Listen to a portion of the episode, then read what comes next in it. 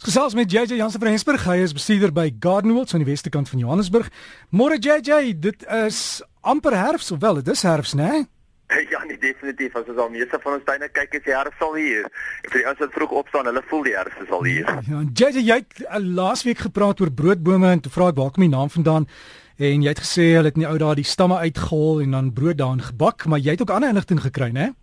Dis. Ja, nee, hulle het eintlik nie die stamme uitgehol en die brood daarin gebak nie. Hulle die die pit van die stam of die die kern van die stam het hulle eintlik gebruik om die brood mee te maak.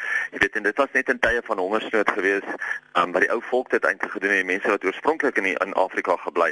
So dit is nou waar die naam broodboom eintlik nou vandaan kom. En die pit self is baie giftig en ek weet met sekere behandeling kan 'n mens van daai gif ook ontslaa raak um, om dit ook te gebruik, maar dit was maar meer die stamme gewees wat hulle gebruik het. So mens moet net versigtig wees, JJ, maar wat doen ons hierdie tyd van die jaar in die tuin? Dat sê ons moet onthou dat um, dit dit word lekker koel cool, en nou wil almal wegspring hulle wil wil begin hulle tuine wegsny of terugsny. Maar dit is al bietjie vroeg om dit te doen en iets wat vir ons versigtig moet wees is dat sekere plante blom weer en weer op dieselfde stingels. So ons moet pas op om net deur te gaan en net alles terug te sny. Ek praat spesifiek van ons baie van ons orgidee spesies blom op dieselfde stingels. Wasplante, ons binnesyse plante, die hoya met daai vetagtige blink blaartjie. Hy blom weer op dieselfde stingel en ook kalankoui blom ook op dieselfde stingels en dit is nou van jou buite van van jou buitevetplantagtige plantjies wat eintlik meer as grondbedekkers en vullers dien. So maak dit seker wat jy terugsny dat jy nie eintlik daai plantjies wat weer op dieselfde stingels gaan blom, so terugsny dat jy nie weer blommetjies gaan kry of dat dit baie lank gaan vat voordat hulle weer gaan um, gaan blom nie die, die feit dat dit nou herfs word beteken ook dat nou baie plante se blare en se kleure nou gaan begin verkleur en dis heeltemal normaal. Moenie nou skrik as jy sien skielik maar hoorie so my plante wat altyd pragtig lowergroen was, se blare word nou effens meer geel. Waarvoor kan ek spyt? Wat kan ek doen om dit te te korrigeer nie? Dis heeltemal normaal en dit moet geel word. Baie van ons herfskleure kom ook nou al deur van die Japaneese bamboese en so en kry daai rooi blare wat al klaar deurkom. So dis heeltemal normaal. Mense hoef nie daarvoor natuurlik te skrik nie.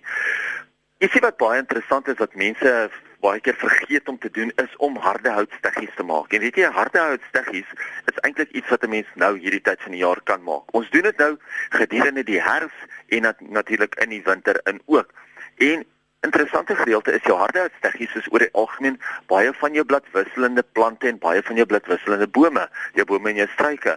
So ek dink nou byvoorbeeld aan jou sneeuballe, aan jou maples, aan jou blomkwepers, blomkersies. Daar is soveel van hulle wat mense nou hierdie tyd van die jaar eintlik kan begin om jou harde houtsteggies te maak.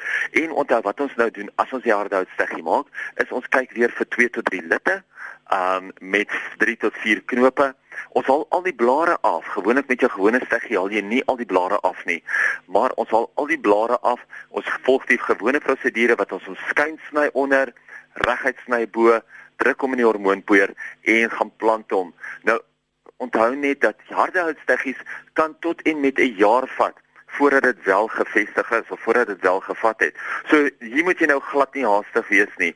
Mens moet pas op dat as jy net jou harde houtsteggies maak, baie van hulle verloor baie vog deur die bokant van die stammetjie en dit is nou waar mense van hierdie baie waks in die hande kry, baie was en dan kan 'n mens hom sommer daarmee seël sodat jy weet dat hy nie eintlik maklik sy water deur die bokant gaan verloor nie. Maar as jy nog nooit harde houtsteggies probeer het nie en jy's nog altyd mal gewees oor sekere plante wat wel hulle blare in die winter verloor, gaan kry dit nou en gaan probeer om dit nou te maak. Moet dit net nie maak van ou hout nie.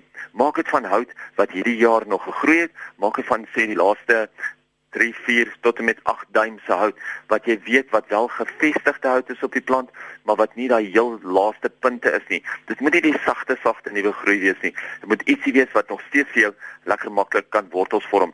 Dirk Herfs is eintlik een van die lekkerste tye in die jaar om in jou tuin te spandeer. 'n Lekker vroeë oggendkoffie voordat daai koue deurkom wat jy buite kan geniet. Ek dink meer mense moet begin om hulle herfstuine beter te geniet. Ja, Jesse, jy praat nou ook van die harde hout. Dis nie die alkohol weergawe nie, né? ja, ek moet net veel instel stukkies daarvan maak. ja, as jy daar weet met al hierdie bottels geplant met die hoop dit gaan groei. Nee nee nee, ek, ek maak 'n grap, maar wonder baie keer waar kom daai naam vandaan, hè? Ja nee, wraggies, dis nogal interessant hier en ek wonder of die ou hardkoppig is en dat dit dalk harde hout is.